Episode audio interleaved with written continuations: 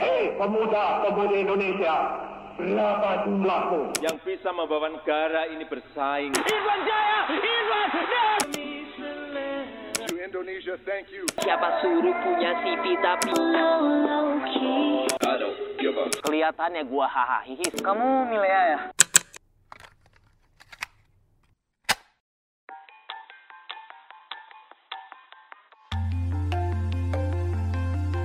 Gianto. Brought to you by Gianta Nusantara.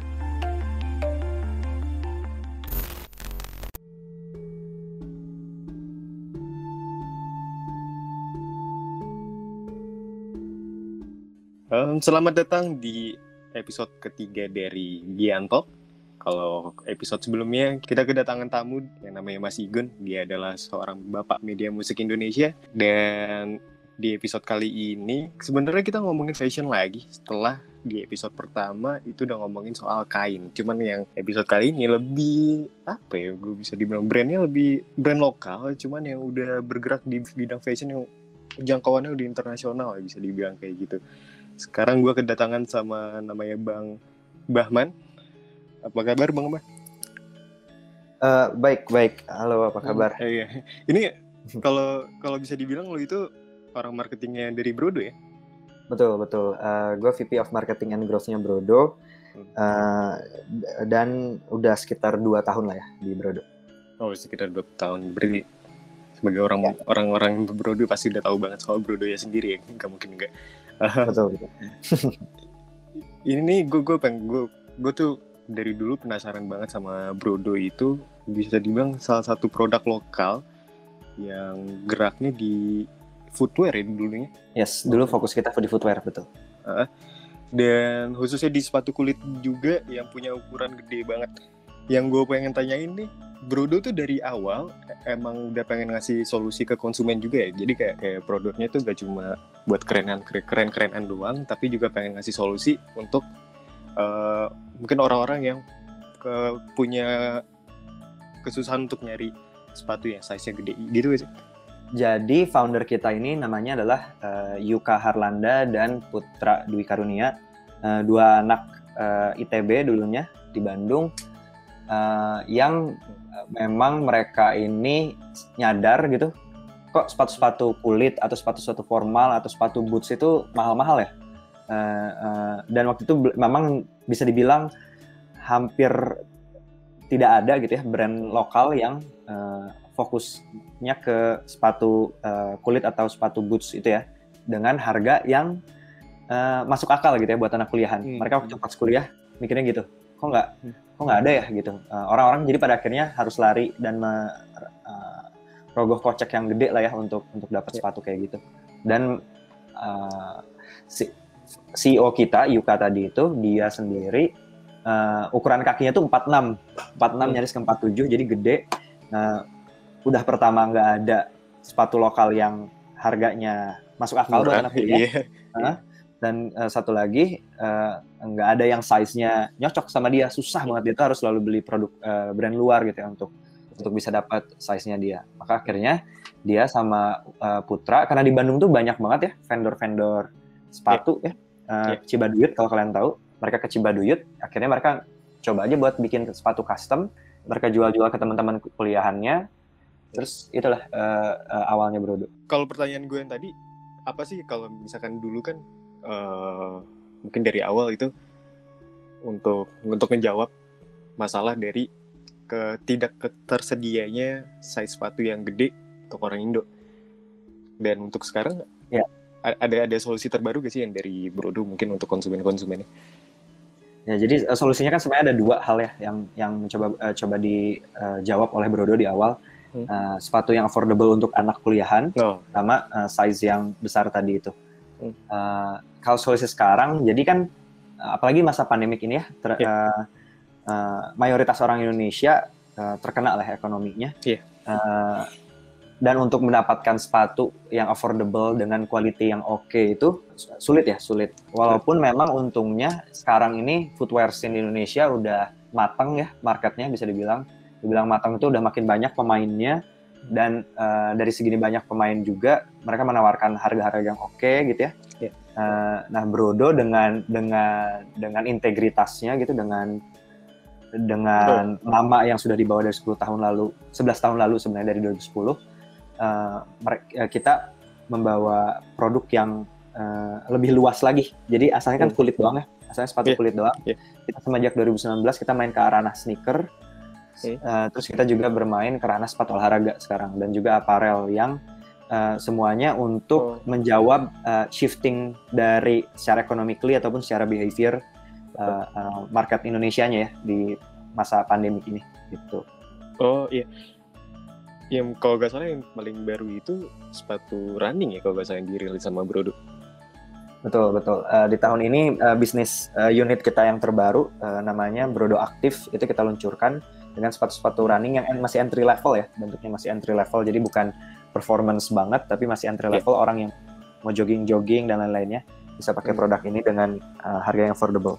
Iya, iya kalau gue ngecek kisaran 200 ribuan ya untuk sepatu running itu untuk menjawab menjawab sekali sih untuk untuk masalah harga ya apalagi kalau misalnya lagi pandemi kayak gini em, kalau dulu masih bisa keluar ya emang yang diutamain kan olahraga ini pas banget Brodo ngasih produk yang ngebantu orang-orang untuk bisa olahraga. Nah tadi gue gue gue cukup menarik sama yang lu bilang sekarang eh, pemain-pemain sepatu lokal itu udah banyak dengan harga yang makin terjangkau juga. Nah kan yang gue lihat ini Brodo juga ngelakuin kolaborasi. Itu apa sih tujuannya? Mungkin karena buat gue buat ngeluasin audiens gue aja atau Brodo ini sendiri pengen punya konsep yang lebih beragam Sebagai sebuah brand pasti punya karakteristik sendiri ya. Pasti lu kayak let's say Fred Perry, lu tahu kan? Lu tahu karakteristiknya Fred Perry itu apa? Polo uh, polo shirt dengan Iya. uh, uh, cuttingan yang seperti apa, kayak gitu kan ya. Nah, Iya. Bro- uh, Brodo itu uh, khasnya adalah kita ini timeless dan uh, simple ya. Jadi produk kita tuh Oh. simple, kita ke- kenapa dibikin simple? Karena menurut kita tujuannya sepatu itu bukan menarik pandangan orang dari Hmm. Siapa yang penggunanya. Jadi Ah. kan ada jenis-jenis sepatu yang emang tujuannya adalah supaya orang ngelihat sepatunya dulu, ya kan. Tapi kalau Brodo justru bukan, kita tuh pengen orang tuh tetap fokusnya ke penggunanya, tapi Oh. di elevate looknya dengan sepatunya Brodo karena uh, desain yang timeless, yang simple, uh, tapi eye catching gitu, gitu. Kebayang nggak? Jadi Iya, iya. uh, Oh. itu tuh basicnya Brodo awalnya dari seperti itu. Nah, gunanya kolaborasi itu ada banyak hal sejujurnya. Kolaborasi itu pertama itu untuk kita membesarkan audience reach-nya kita ya. Karena kolaborator pasti mempunyai uh, mempunyai marketnya sendiri gitu. Itu pertama. Yang kedua, di mana kita itu bisa jadiin media untuk ber, mengeksplorasi desainnya ya. Jadi desain kita yang simple ini kita bikin jadi unik dengan rasa atau key visualnya dari kolaborator kita. Itu itu kedua dan yang ketiga uh, tentunya jelas untuk membuat hal yang baru lah ya. Karena kan kolaborasi itu beda-beda ya, beda-beda purpose-nya, beda-beda output-nya. Dengan dengan kita selalu melakukan kolaborasi-kolaborasi ini kita nge-reach out ranah-ranah yang sebelumnya belum kalau dari Brodonya sendiri nggak akan kita explore gitu. Hmm. Iya sih kayak gue ngeliat ada kolaborasinya Brodo sama tim e-sport kayak gitu. Itu itu yang gue bikin penasaran sih apakah Brodo ini pengen bikin sesuatu produk yang lebih mengarah ke satu kaum tertentu bukan satu kaum tertentu sih. Eh, satu specialty tertentu misalkan wah Brodo bikin sepatu yang emang nyaman banget untuk lu main game misalnya kayak gitu. Ada ada unsur-unsur kayak gitunya gak sih Mas atau ya udah gue pengen bikin eh, secara desain beda aja dari yang dulu dulu gue pernah bikin gitu. Ya, jadi eh, Brodo itu kan tagline-nya everyone deserves an epic life ya. Karena semua orang itu emang berhak untuk memiliki hidup yang epic lah ya atau yang Iya. luar biasa atau out of the box. Eh, mereka eh, berhak untuk meraih mimpinya gitu ya, berhak untuk eh, melakukan apa yang mereka pengen lakukan gitu ya. Ya. Itu eh, berangkat dari situ otomatis eh, Brodo dari kita banyak melakukan kolaborasi udah dari dulu ya. Kita sama Ya. Chico Jericho, sama Bambang Pamungkas, sama Tulus. Eh, tahun lalu kita sama Feast ya, band Iya, Eh, iya. sama Popo Mangun, sama nah yang tim esports tadi yang lu mention itu adalah eh, Onyx Esports ya. Hmm. Eh, karena kita nggak pengen membatasi diri kita dengan spesifik eh, komunitas doang gitu ya. Ya. Kita eh, kalau kita bilang everyone deserves an epic life, we truly mean it gitu. ya. Semua Hmm. orang emang berhak. Maka ketika ada tim Onyx ini nge-approach Brodo untuk kayak let's do something together gitu, menurut kita "Oh, it's, it's, uh, it's gonna be cool karena kita sebelumnya belum pernah juga ke ranah e-sports ya. Dan eh, tujuannya memang karena setiap komunitas itu pasti butuh untuk saling dihargai ya. Iya. Jadi sama ketika Brodo berkolaborasi sama siapa, berarti kita Brodo dihargai sama komunitas itu gitu. Eh, pada akhirnya mengangkat eh, value ataupun equity dari kedua brand ya. Nah, jadi uh, purpose-nya pertamanya adalah itu untuk me- memperpanjang visi kita everyone deserves life itu life itu betul. Oh, Oke oke. Bisa dibilang gak sih kalau Brodo itu juga apa ya? Dari dari dari kolaborator yang tadi lu sebutin juga, itu kan semua dari orang Indo semua tuh. Ini apakah Brodo dari dulu bahkan sampai sekarang di di soul-nya itu ada gambar Indonesia ya? Apakah Brodo ini menempatkan kalau kita nih Indonesia banget? Bahkan kalau untuk bisa mencapai pasar luar, kita pengen Brodo ini dikenal sebagai brand dari Indonesia. Jadi Brodo tuh dari awal eh, sepatu signatur atau sepatu eh, yang jadi ciri khasnya Brodo adalah eh, Parang Collection kita ya. Eh, sepatu boots atau formal kita eh, namanya ada Parang Collection. Itu ada Signore, ada Ventura ya. Eh, Parang Collection ini kenapa kenapa namanya Parang? Karena kita mengambil motif batik Parang ya. Kalau eh, kalian familiar, Eh, motif batik Parang ini kita jadikan sol sepatu kita yang salah satu bentuk kita menunjukkan identitasnya Indonesia ke dalam produk Oh, iya. kita ya. Eh, yang menjadi pada akhirnya menjadi identitas Brodo. Tentu pernah menuai eh, eh, pertanyaan tambahan gitu dari orang kok eh, batik ditaruh di sol dan lain-lainnya. Eh, Kayak justru- dia alat sepatu kayak gak ngehargain gitu. Ada pertanyaan kayak gitu. Hmm, betul. Ada ada yang ada yang bertanya seperti itu. Tapi justru eh, kalau purpose-nya kita melakukan any kind of uh, art ya in, in whatever form adalah untuk meninggalkan jejak gitu ya di bumi ini gitu. Ini tuh this is exactly how you meninggalkan jejak lah gitu di Indonesia eh, di di bumi ini gitu ya. Karena soul kita terpatri pasti eh, di tanah, di ya tanah liat atau apa pun lah gitu ya. Mie lagi ya. Uh, di bumi karena pasti ter- tercetak lah gitu kan ya Hmm. itu sebenarnya kita value-nya di situ sebenarnya kayak uh, wherever you go you will bring your Indonesian culture with you itu nah uh, berangkat dari situ memang Brodo selalu mengedepankan uh, banyak hal tentang Indonesia ya nama-nama kita uh, banyak juga yang menga- uh, mengambil dari nama-nama Indonesia kita sepatu ada namanya Toba ada yang namanya Braja ada yang namanya uh, uh, Garuda banyak banget uh, yang memang kita nggak pengen melupakan heritage kita di situ dan Oh. form kita untuk uh, memberikan ke Indonesia nggak sekedar hanya mencomot apa yang ada di Indonesia terus kita tempelin ke produk kita, tapi kita juga melakukan banyak uh, uh, uh, uh, campaign mungkin gitu. Campaign-campaign ataupun activation-activation yang uh, membawa Indonesia. Salah satunya di 2020 kemarin kita berkolaborasi dengan sebuah komunitas namanya Sepatok Kimin. Uh, mereka adalah komunitas yang uh, nge-reach uh, teman-teman di Singkawang, Kalimantan uh, yang terkena kusta ya, ex kusta. Kusta itu uh, for Ya, your guys information, ya penyakit yang tangannya jadi uh, deformed lah ya bisa dibilang, Hmm. Uh, yang membuat mereka kesempatan untuk mendapat mencari ke mencari uh, Kerjaan. uh, kerjaannya berkurang jauh gitu ya. Kita berkolaborasi dengan komunitas itu untuk voicing the voiceless karena mereka kan uh, seperti diambil lah ya suaranya dari mereka. Iya. Kita kita berkolaborasi dengan mereka, sepatu kita di eco print atau di uh, dimotifkan oleh teman-teman di Singkawang, lalu kita jadikan sepatu gitu ya. Uh, si bahan yang tadi udah di eco print itu. Uh, itu juga salah satu bentuk kita nge-reach out ke uh, ke Indonesia. Gitu. Dan di akhir uh, bulan in, eh, di akhir tahun ini uh, juga kita bakalan ada sama salah satu uh, cendekiawan atau filantropis atau selebrita Indonesia yang nama depannya uh, bukan maksudnya buat name drop nama depannya dari D ujungnya Ian dan belakangnya Sas depannya Iya, iya. Sas belakangnya Kok Eh, ri- Eh, iya. uh, itu. Susah tuh gak, gak, gak Eh, bisa kita- ketebak saya gue gue gue bingung tuh. Nggak ketebak ya? Susah ya? Susah Iya, ya emang susah we banget. make it as a puzzle. Kita mau uh, sama dia. Uh, dia punya foundation kan ya? Uh, Hmm, iya. uh, di celebrity tadi itu.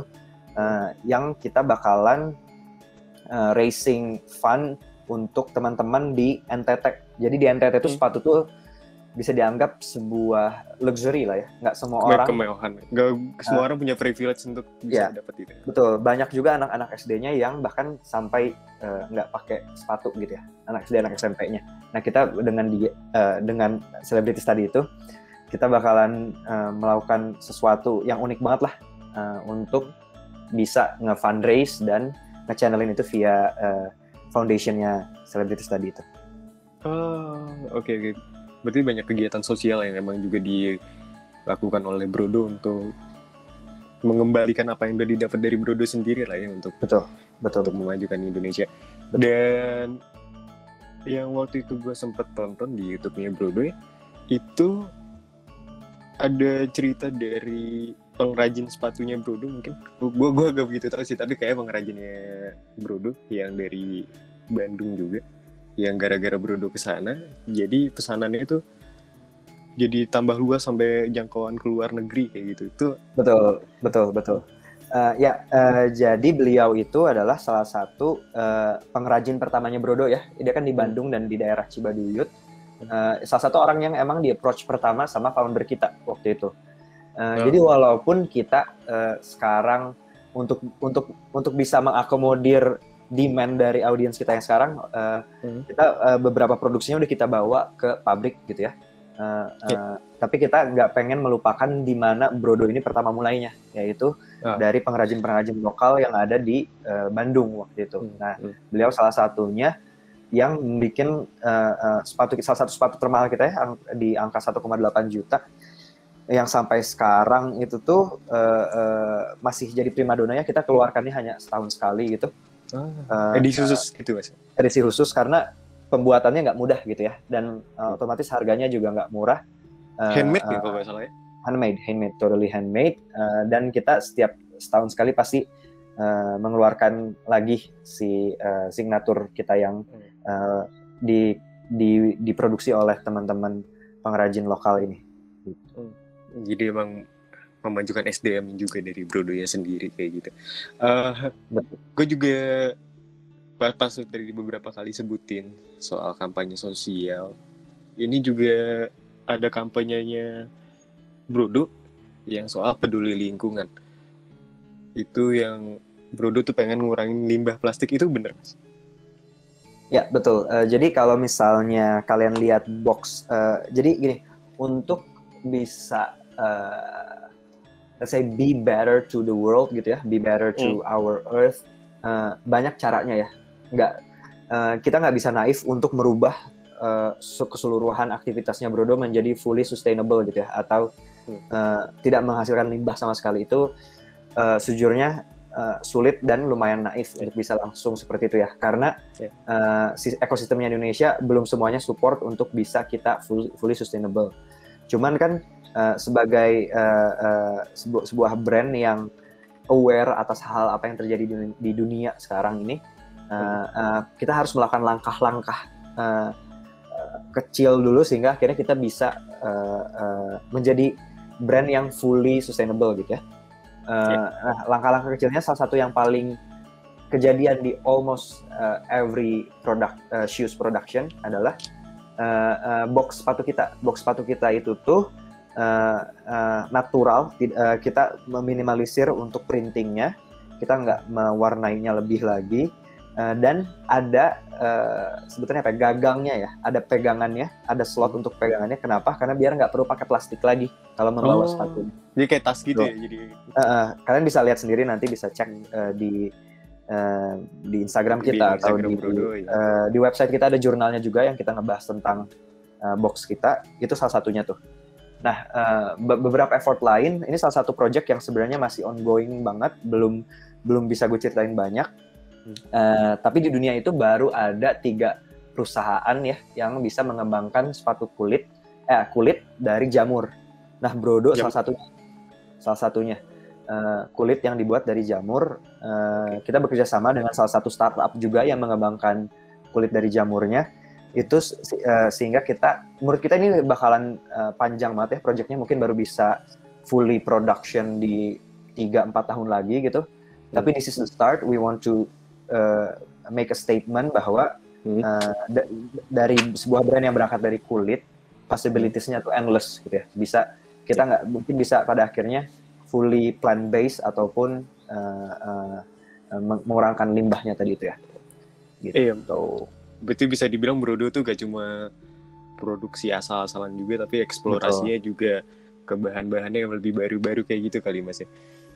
Betul. Dan di uh, by the way, uh, buat nambahin satu lagi, di satu bulan dari sekarang gitu ya, mungkin satu sampai sampai dua bulan dari sekarang, kita ini lagi on, uh, ongoing production sepatu. Jadi limbah dari banyak brand global seperti uh, Nike, New Balance, um, uh, Converse, limbah-limbah pabriknya mereka mau kita rubah menjadi sepatu yang emang limited Oh. edition ya. Dalam artian limited edition karena namanya limbah kita nggak bisa mass production dong. Uh, Iya iya. nah, Dan kan barangnya juga. materialnya eh, barang materialnya ada berapa ya udah kita rubah jadi sepatu itu bakal kita keluarin dua bulan lagi dari sekarang itu salah satu proyek yang paling menyenangkan deh Eh, Iya, iya, iya. jadi eh, we're really looking forward to it Itu gak bikin, gak bikin satu eh, sekarang acaranya juga masih susah untuk dibikin sih. Mungkin kalau misalnya bisa dibikin kelas gitu untuk eh, fans-fansnya Brodo untuk bikin sepatu sendiri dari limbah-limbah yang udah dikumpulin gitu. Eh, oh itu bisa banget suatu saat eh, I think it's it's gonna be a great idea eh, itu kan satu satu atau dua bulan ini itu masih coming soon pro proyek. Hmm. Tapi ada gak sih produk-produk yang emang dibikin sama Brodo untuk menyias menyiasati sama kejadian sekarang kayak misalkan eh, masker kayak gitu. Atau ada ada produk lain gitu yang diproduksi Brodo dalam masa pandemi kayak gitu. Eh, sejujurnya sangat banyak ya. Eh, eh, kalau kalian boleh nanya ke brand lain juga bisa dibilang eh, eh, dengan pandemik ini kan semua kalang kabut ya. Semua kalang Ya. kabut.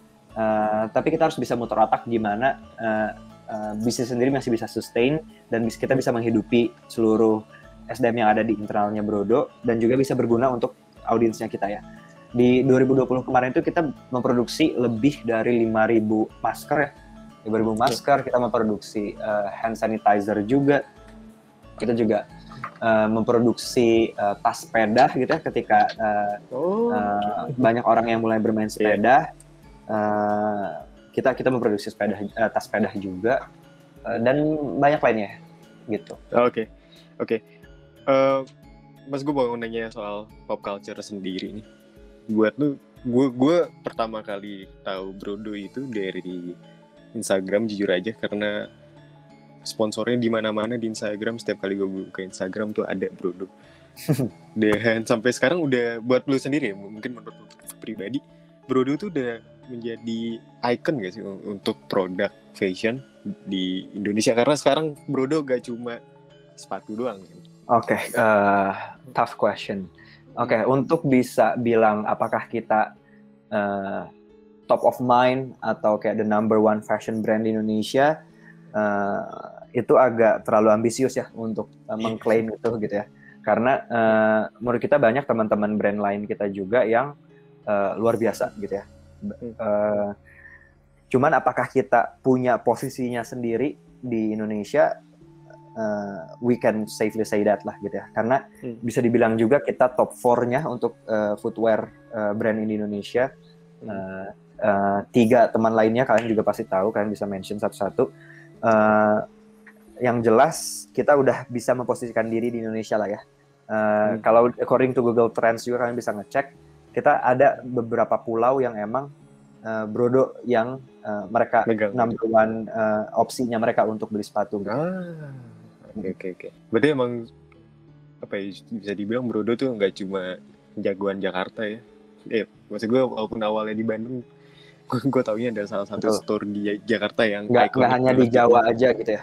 Iya. Justru malah kita uh, again according to Google Trends Hmm. Aceh dan Papua tuh uh, mereka kenalnya Brodo karena memang kita mencoba buat nge-reach sejauh itu. Oh, Gitu. oh, oh itu juga mas. Kayak gue penasaran juga kalau misalnya disambungin sama pernyataan-pernyataan di awal. Eh, ini kan Brodo dibikin untuk menjawab masalah affordabilitas kan gitu. Untuk dengan, dari, dari se- segi harga. Ini untuk Brodo sampai ke Aceh, ke Papua yang itu tuh jauh banget. Itu bakal harus sama harganya juga gak sih atau ya udah semuanya rata deh. Uh, uh, sebenarnya pasti ngaruh ya karena uh, perihal shipping. Jadi gini, untuk mengurangi harga uh, supaya supaya harga itu rata itu kan sulit ya. Karena bahkan sebenarnya tidak ada brand yang melakukan itu. Uh, karena uh, uh, dalam artian sama rata harga tuh uh, beli di Bandung sama beli di Aceh itu sama itu nggak mungkin ya. Karena ada shipping Oh, yang berbeda ya kan? Uh, tapi harga produknya sama. Let's say kayak harga Hmm. uh, boots kita di 600.000 ribu itu tetap harganya 600.000 ribu Uh, yang membedakan uh, harga pembeliannya adalah ship- shippingnya tadi itu kan ya Hmm. Uh, kalau di Aceh dan di Bandung otomatis berbeda biaya shippingnya.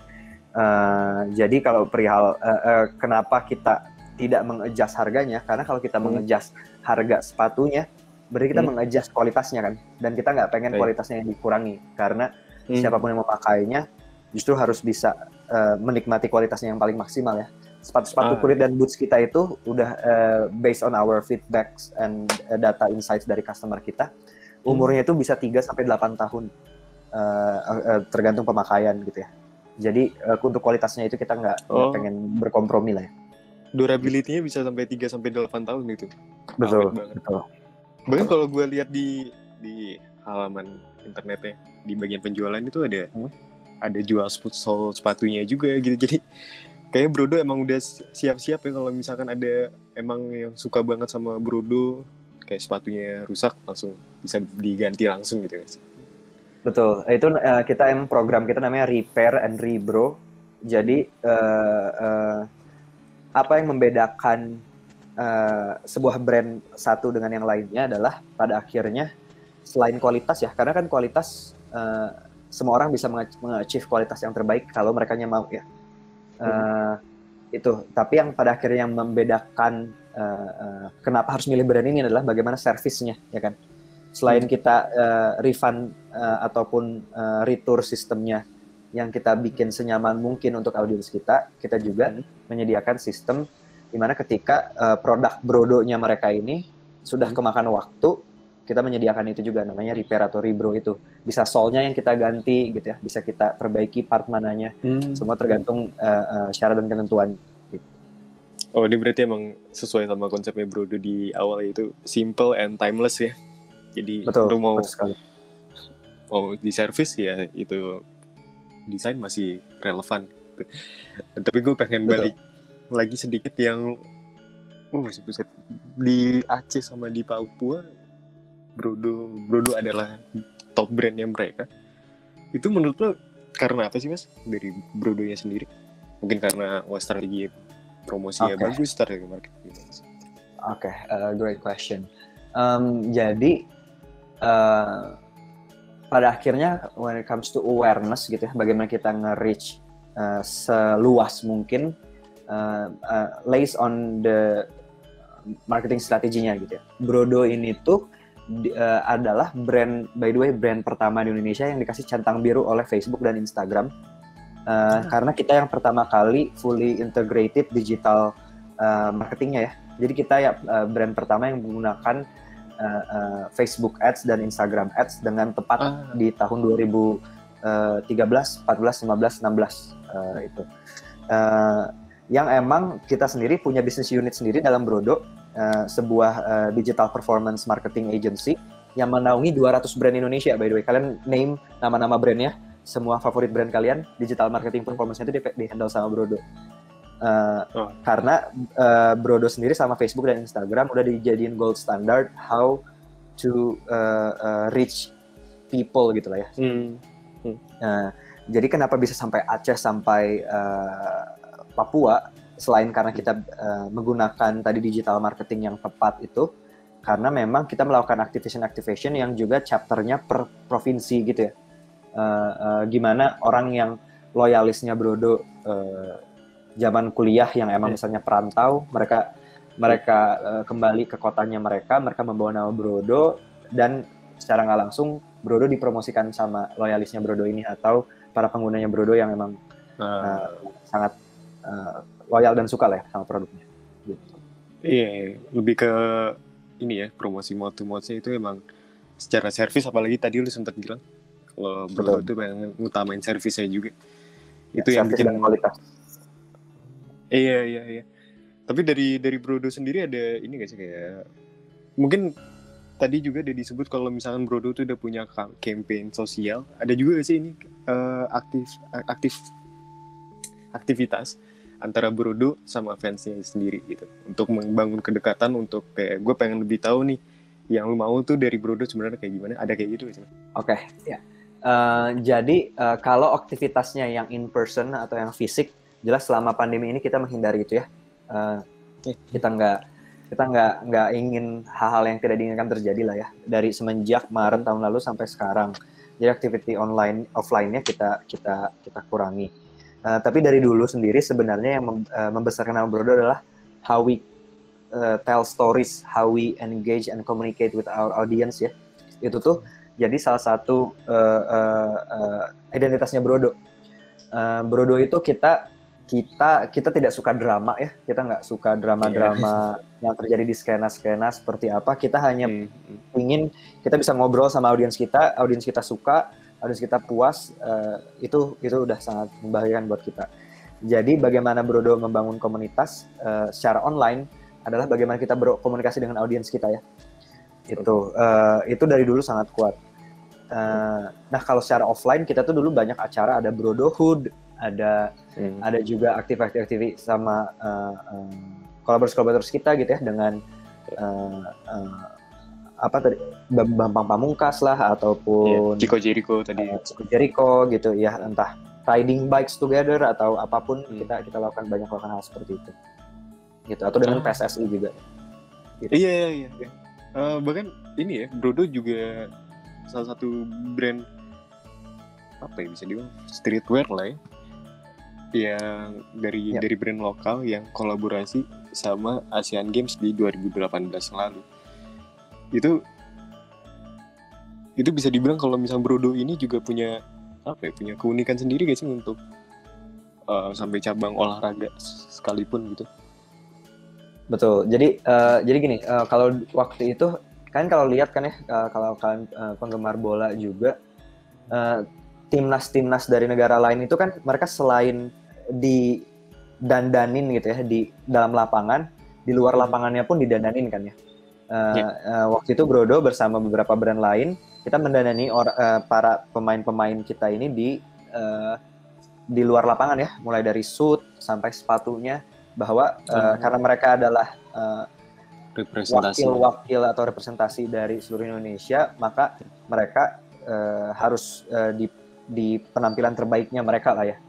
Eh, Jadi eh, waktu itu emang kita we're lucky enough and we're truly ga- eh, kita bisa jadi pa- official partnernya untuk Asian Games dan Hmm. sejujurnya di akhir tahun ini dan di awal tahun depan kita bersama PSSI juga ada ada partnership terbaru lagi untuk eh, untuk eh, Asian eh, Asian Games dan SEA Games yang akan datang. Oh, oke.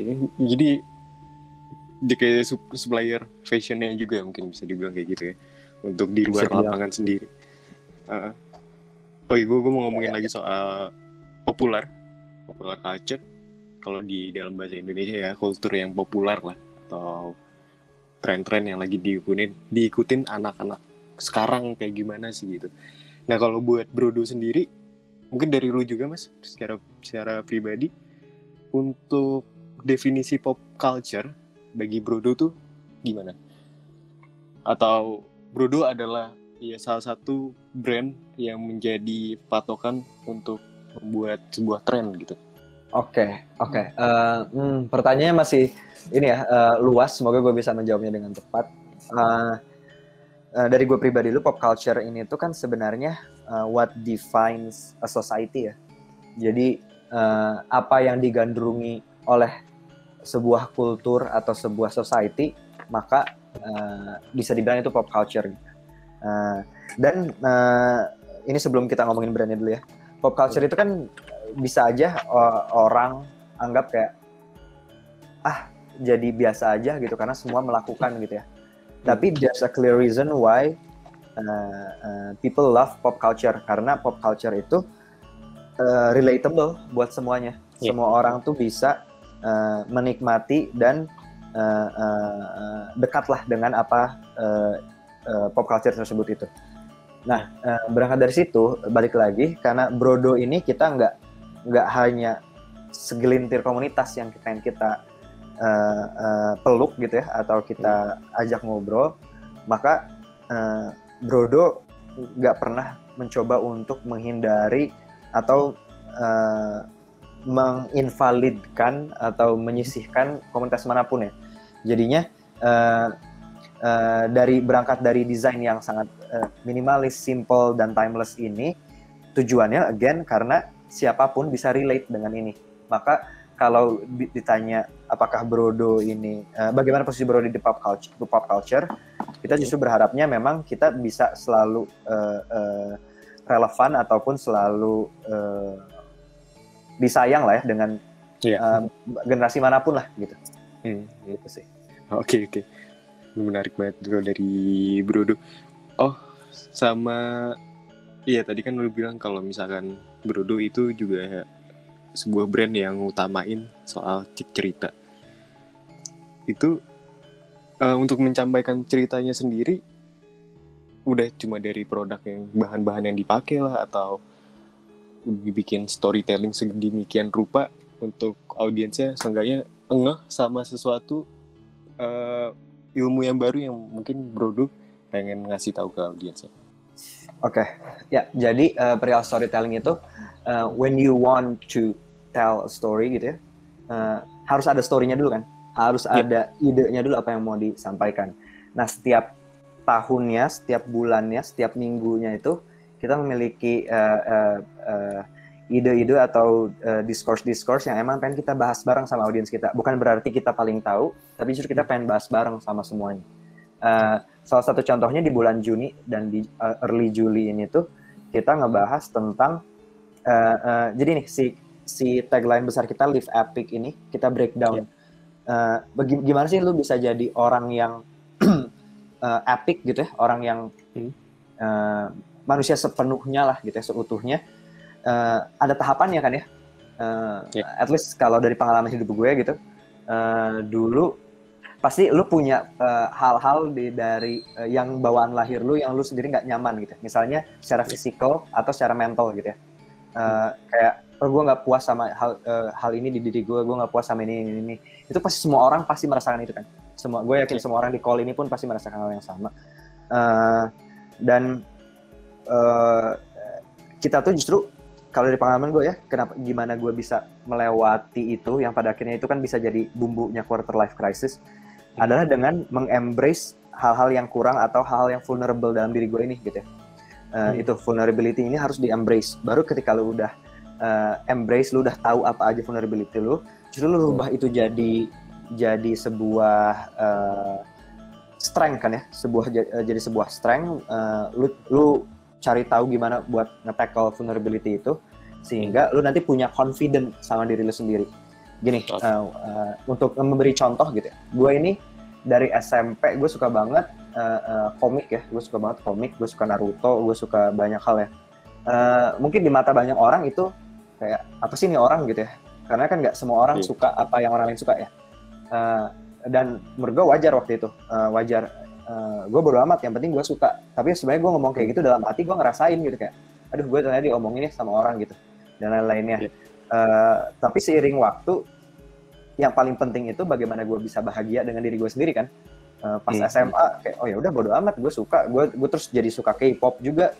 Oh hmm. uh, enak kok gitu gue suka gue suka ngelihat uh, drama dramanya why the hell not gitu ya. Nah ketika ketika lu nge-embrace uh, hal yang lu kira itu adalah kekurangan gitu ya, hmm. um, lu bakalan nge-gain confidence lu bakalan kayak ya nggak apa-apa gue nyaman kok dengan diri gue sendiri yang pada akhirnya itu tuh uh, itu tuh menginfluence orang-orang sekeliling lu ketika uh, orang lain ngerasa kayak lu suka ini tapi lu pede aja gitu uh, mereka tuh jadi mereka pun jadi ingin uh, bisa menunjukkan dirinya sendiri gitu ya.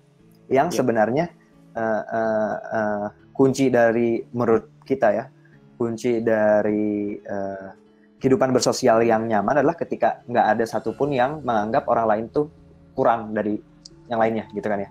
Uh, nah, uh, itu. Jadi live epic tuh sepanjang itu gitu lah ya. Uh, untuk kalau di breakdown hmm, hmm. gimana lu bisa dapat hidup yang luar biasa tuh itu mulai dari knowing your uh, vulnerability terus embracing it turn it into strength and then gain confidence hmm.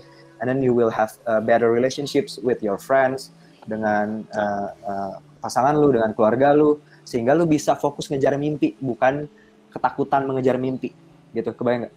Oh, Oke. Nah, Iya iya iya. Uh, itu tuh kita breakdown jadi discourses discourses atau pembahasan-pembahasan baik di feed Instagram kita atau di jurnal kita di newsletter kita atau di Instastory kita gitu ya. Atau di YouTube untuk ngobrol sama audiens kita what do you guys think about it? Gitu Uh, karena uh, sebuah brand itu atau ketika lu udah kan Brodo sendiri all across platform kita ini kan followersnya ada Iya. 2, sekian m ya. Eh 2, sekian juta sorry. Uh, otomatis kita uh, dipandang orang kan. Nah, ketika lu udah uh, berada di posisi itu, you have to be able to inspire people juga. Uh, dan apa yang di-inspire? To kalau menurut kita to live a better life, to live an epic life gitu. Jadi uh, itu cara kita berstorytelling tadi itu. Ah, oke oke oke. Apa bisa disebut itu adalah salah satu cara Brodo untuk bisa tetap memposisikan diri untuk tetap bisa terus eks- eksis di fashion populer gitu. Betul, betul. Karena uh, produk comes and goes, tapi message ataupun visi itu stays the same gitu. ya. Hmm, hmm. Oke lagi-lagi gue gue cukup suka sih sama konsepnya simple and timeless kayak gitu karena ya kalau misalnya keren sekarang nggak mungkin kayak tahun depan mungkin nggak keren lagi gitu itu tuh yang agak menyebalkan sih dari fashion nih. Eh, Betul, karena tren itu berubah-ubah kan tiap uh, Iya. tiap tahun, tiap bulan. Tapi kalau lu timeless, basically lu nggak akan kegerus zaman gitu. Iya iya iya. iya. Eh, untuk untuk untuk lu sen- sendiri pernah ada kesan sendiri gak sih dari fansnya Brodo gitu kayak wah ini Brodo nih emang merepresentasikan gue banget gitu karena saking Iya. cintanya. Ya, eh, jadi eh, itu pasti ada ya. Cuman memang kalau kita ngomongin masalah audience, karena kita besar di sepatu kulit dan rata-rata user atau pengguna sepatu kulit itu kan orang-orang yang 20-an ke atas ya, khususnya 25 ke atas gitu kan ya. Ketika mereka mulai kerja dan lain-lainnya, mereka baru punya sepatu formal gitu ya.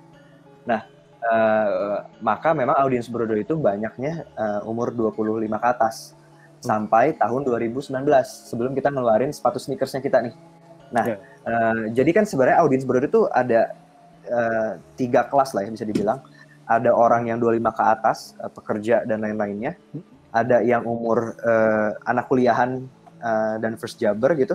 Itu dari umur 20 sampai umur 25. Ada eh, anak SMP dan anak SMA kalau sekarang tuh. Eh, nah, eh, setiap setiap generasi ini punya punya punya eh, punya Demand-nya ceritanya masing-masing. Oh cerita. uh, demand-nya uh, demand-nya masing-masing, ceritanya masing-masing. Tapi yang sama dari semuanya adalah mereka suka uh, uh, bagaimana kita, uh, mereka suka visinya kita lah ya. Selain produknya, mereka suka visinya kita. Buat orang-orang yang emang uh, menurut mereka itu sustainable. ini gue loncat dulu balik lagi ke yang sustainability. Sustainability itu selain selain lu uh, uh, mencoba mengurangi limbah, salah satu caranya lainnya adalah lu menggunakan produknya selama mungkin sampai itu rusak baru Hmm. uh, lu ganti gitu ya. Karena kalau misalnya lu fast fashion gitu, pakai buang pakai buang gitu kan. Ya. Nah, nah, Brodo ini dengan kualitasnya yang kita jaga, uh, semua rata-rata gitu. Ini gue beli dengan harga yang affordable dan gue bisa pakai ini dengan lama, mau setahun, dua tahun, tiga tahun tergantung Hmm. uh, produk sepatunya ya. Sneakers Yes. otomatis nggak sama dengan kulit gitu ya. Ya. Uh, tapi semua rata-rata kayak gitu. Mereka pada akhirnya kembali lagi untuk membeli produk yang mungkin sama atau nambah uh, sesuai dengan uh, kebutuhan hidupnya masing-masing. Gitu. Iya Itu sih uh, cerita-cerita yang sering Brodo dapat. iya karena semakin bertambahnya umur ya kebutuhannya makin beda-beda lagi cerita yang makin beda-beda lagi kayak Betul. tadi. Betul. Eh, mu- mungkin soal soal ekspansi bisnis ke luar negeri gitu ya. Ada strateginya dari Brodo sendiri gak sih ya? Kayak pengen pengen ngejual juga ya ke sampai ke luar negeri, pengen namanya juga dikenal sampai ke gak cuma di Indonesia gitu. Ada strategi sendiri gak sih? Em, jelas sebenarnya demand itu udah ada ya eh, dari dulu sampai sekarang aja setiap bulannya pasti ada orang contohnya ya paling sering itu muncul dari eh, Turki dari eh, Eropa dari Australia dari Malaysia dari Singapura itu tuh masih ada order-order seperti itu. Cuman kan memang kita harus melihat kapabilitas eh, internalnya dulu ya. Karena kan shippingnya mahal ya kan ya. Itu sering Iya banget ke- kalau ke Malaysia aja ya lebih mahal shippingnya daripada produk. Produk gitu. Iya. Nah, eh, dan itu kan sebuah konsekuensi yang eh, eh, lumayan ya, eh, Iya. baik untuk Brodo maupun untuk pembelinya gitu. Eh, kita sendiri eh, harus muter otak dulu gimana supaya bisa mempermudah user kita beli, beli dari negara mana pun. Hmm. Eh, eh, karena eh, constraints terakhirnya hanya- hanya itu gitu ya, eh, shippingnya. Iya. Eh, buat orang-orang yang tetap beli ini tuh karena mereka tetap aja mau gitu. Udah kita bilangin Iya. shippingnya bakal mahal banget. Nggak apa-apa, nggak apa-apa. eh, we wanna buy it and everything. Eh, ya udah kita provide karena ada orang yang seiger itu, seingin itu gitu ya memberi produk kita, otomatis Hmm. kita provide aja dengan kita memberitahu konsekuensinya mungkin shippingnya mahal. Iya. Jadi Iya, itu itu itu itu hal pertama. Hal keduanya eh, siapa yang nggak mau gitu produknya eh, tersebar Iya, seluruh dunia gitu ya. Hmm. Eh, dan eh, salah satu effort yang paling dekatnya kita ini eh, eh, sepatu yang jamur tadi itu karena hanya baru ada tiga di Tiga. dunia gitu eh, brand yang melakukan itu Eh, di Jepang nih eh, orang-orang dan fashion enthusiast dan engineers dan lots Iya. of kayak field di Jepang yang salah Hmm. satu eh, center fashionnya di dunia gitu ya. Hmm. Mereka ini ngelirik banget dan sampai manggil Brodo di bulan harusnya bulan depan tapi kayaknya harus dipospon ya. Eh, harusnya due to bulan depan di. Agustus due to pandemic dan lots of other things gitu ya. Eh, kita dipanggil sama eh, Fashion Week di sana untuk kayak ayo dong eh, tunjukin ke dunia gimana sih sepatu kulit gitu. Eh sepatu Dari kulit jamur. Jamur. ah. Heeh, betul. Oke. Emang emang sekarang Brodo bahkan bisa dibilang punya divisi sendiri kayak Bro- Brodo teknologi mungkin gitu ya karena kayak- Betul, kita sebutnya justru namanya Better Footwear. Jadi itu divisi di mana kita eh, semua inisiasi-inisiasi kita untuk ngebikin sepatu yang lebih sustainable dan lebih baik untuk dunia gitu. Hmm. Eh, salah satunya sepatu jamur itu ataupun sepatu yang tadi limbah eh, brand-brand global tadi Iya. dan lain-lainnya ma- masih banyak lainnya. Oh, Itu salah satunya du- juga eh. kita ada eh, line kulit kita, sepatu kulit kita yang namanya Eco eh, Parang. Eh, Itu tuh karena kulitnya dibuat dari eh, eh, material-material yang eco-friendly lah ya. Belum fully sustainable tapi udah lebih eco-friendly gitu. Namanya Eco Iya. Series. Jadi emang, emang Brodo pengen dikenal juga sebagai brand yang memang ramah buat lingkungan juga gitu. Selain Betul. se- selain durability yang bagus juga sama lingkungan juga harus ramah. Gue Betul betul. itu eh dan dan kalau gue simpulin dari apa yang lu omongin barusan emang masalah shipping doang yang sekarang yang masih jadi masalah untuk untuk ekspansi ya Brodo sendiri. Betul, constraints itu yang kita harus putar otak lah ya. eh, supaya nyaman baik buat Brodo maupun audiensnya tadi itu. Ah, oke oke oke.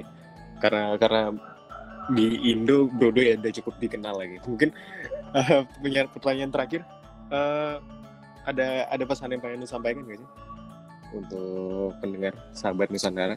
Oke, eh, pesan ya. Hmm. Eh, Ya, Oke, Eh, mungkin se- semoga pesannya nggak terlalu panjang dan nggak ba- terlalu banyak. Eh, tapi yang eh, pertama yang paling penting adalah balik lagi ke message yang selalu kita bawa eh, that everyone deserves an epic life. Eh, khususnya eh, kalian Gen Z kan ya? Iya. eh, kalian kalian Gen Z. Eh, in this very troubling time gitu ya di eh, masa pandemik oh, uh, school from home and everything pasti ngefek ke mental health kita ya mental health. Uh, uh, semua orang pasti punya mimpi-mimpi yang luar biasa lah yang tinggi-tinggi. Uh, uh, tapi memang kalau dipikirkannya langsung gimana nyampe sananya eh uh, gimana uh, jadi apa yang kalian tuju itu tuh uh, pasti bisa memusingkan ya. Dan Hmm. uh, yang hal terakhir yang kita inginkan uh, dari bro, eh, yang hal terakhir yang Brodo inginkan adalah kalau sampai uh, uh, menyerah duluan gitu menyerah duluan. Uh, makanya uh, take it very slow acknowledging uh, dan tahu dulu apa aja sebenarnya yang jadi hambatan-hambatan diri lu dulu Uh, baru embrace it one by one gitu. Uh, pelan-pelan aja semua orang punya timelinenya masing-masing. Ada yang lulus lebih cepat ada yang lulus lebih lama. Bukan berarti salah satu bahkan lebih sukses. Nggak nggak pernah selalu seperti itu. Uh, gue juga kuliah lima tahun. Uh, jadi uh, uh, uh, semoga semuanya semuanya uh, bisa melakukannya dalam waktunya masing-masing lah ya nggak perlu nggak perlu Ah, buru-buru Uh, uh, dan know bahwa uh, you guys can have an epic life gitu. Ah, Gitu sih. Oke oke, keren keren tuh tag- tagline Ya. Jadi cita-cita dari Brodo ke orang-orang apalagi yang lu bilang tadi pas selama pandemi mungkin ada orang yang terdampak banget. Cuman mesti ingat kalau misalkan tiap orang punya waktu kesuksesannya masing-masing yang nggak mungkin sama Betul. gitu. Betul betul betul. Iya. Nah, sekali lagi gue gue gue ngucapin terima kasih banyak mas untuk waktunya untuk bisa di Ya. Sama-sama thank you banget udah diizinin juga ngobrol bareng Iya. sama kalian. udah mau ditanya pertanyaan-pertanyaan aneh tadi. Gue ngarepin lo semoga sukses ke depannya sama Brodo. Brodo juga semakin you, kenal thank you. sama warga Indo bahkan bisa sampai ke warga luar ya. Semoga Amin amin sukses. amin. Thank you. Oke. Thank you so much. Iya. Oke. Jadi gitu aja episode kali ini. Terima kasih. Sampai jumpa.